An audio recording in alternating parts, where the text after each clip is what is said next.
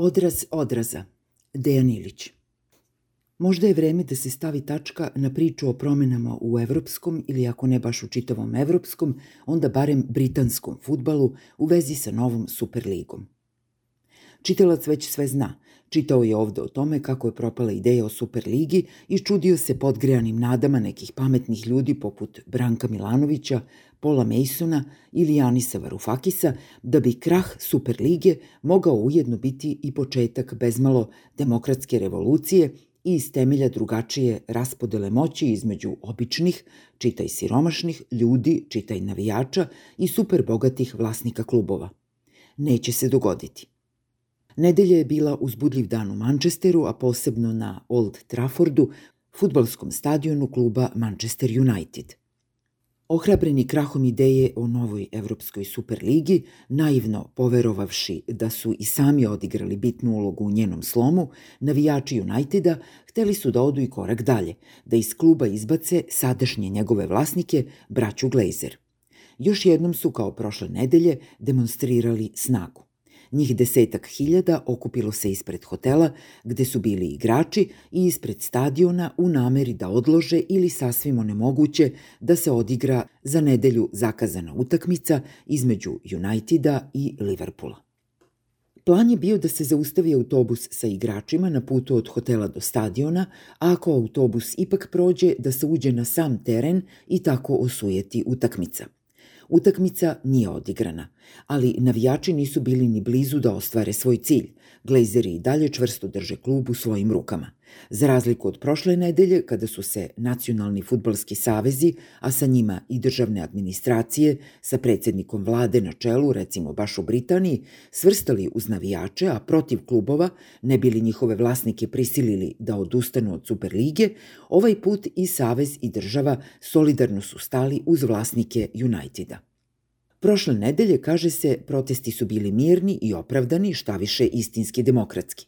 Ove nedelje protesti su nasilni, a kao demokratska pokazala se jedino država kroz izjave viših policijskih službenika. Mi razumemo navijačke strasti, rekli su, Nemamo ništa protiv da ih navijači pokažu, ali samo dok to rade mirno i poštuju zakon.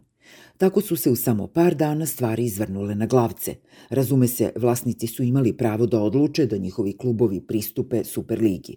Razume se, kada su protestovali, navijači su kršili to pravo vlasnika da slobodno odluče s kim će se udružiti. Ali pre nedelju dana to nije bilo kršenje prava vlasnika, nego poštovanja vredno demonstriranje demokratske svesti. Ove nedelje pak navijači su kršili zakon i Futbalski savez zajedno sa klubom od policije traži da se oni uhapse i gone za nasilje. Tako se završava priča o demokratskoj transformaciji vlasničke strukture u futbalu.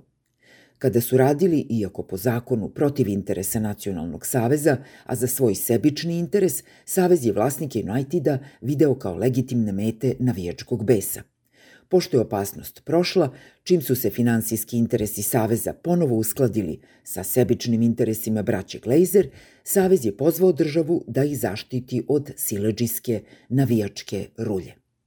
Nema razloga da se tome čudimo. Nova Evropska Superliga samo je logičan korak u transformaciji futbala na tragu transformacije zapadnih država s kraja 20. veka – United su krajem 19. veka osnovali železničari.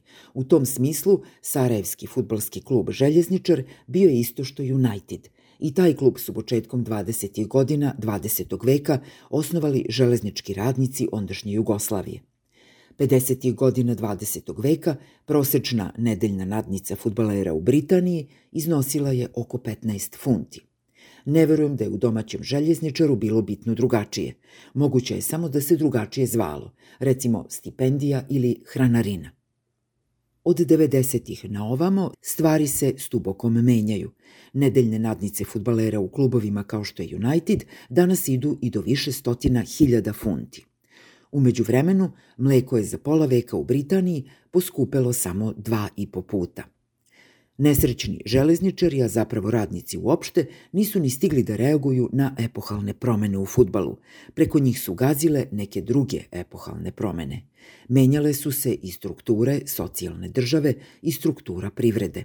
Sve je to upečatljivo prikazano recimo 2000. godine u popularnom filmu Stevena Daldrija Billy Elliot, gde ne gledamo samo kako se guše štrajkovi rudara i raspadaju institucije radničke solidarnosti pod administracijom premijerke Margaret Thatcher.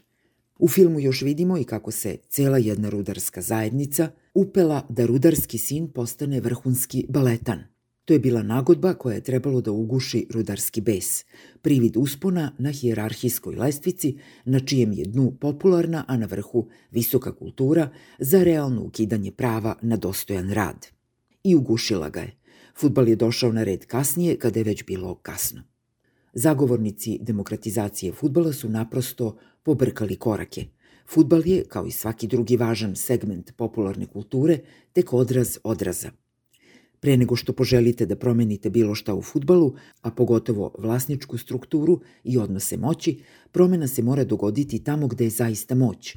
Mora se iznova demokratizovati država. Jeste, u tom smislu naši problemi su isti kao i tamošnji, jer je i Srbija, kao futbal, tek odraz odraza. Istina u iskrivljenom, reklo bi se, nakaznom ogledalu.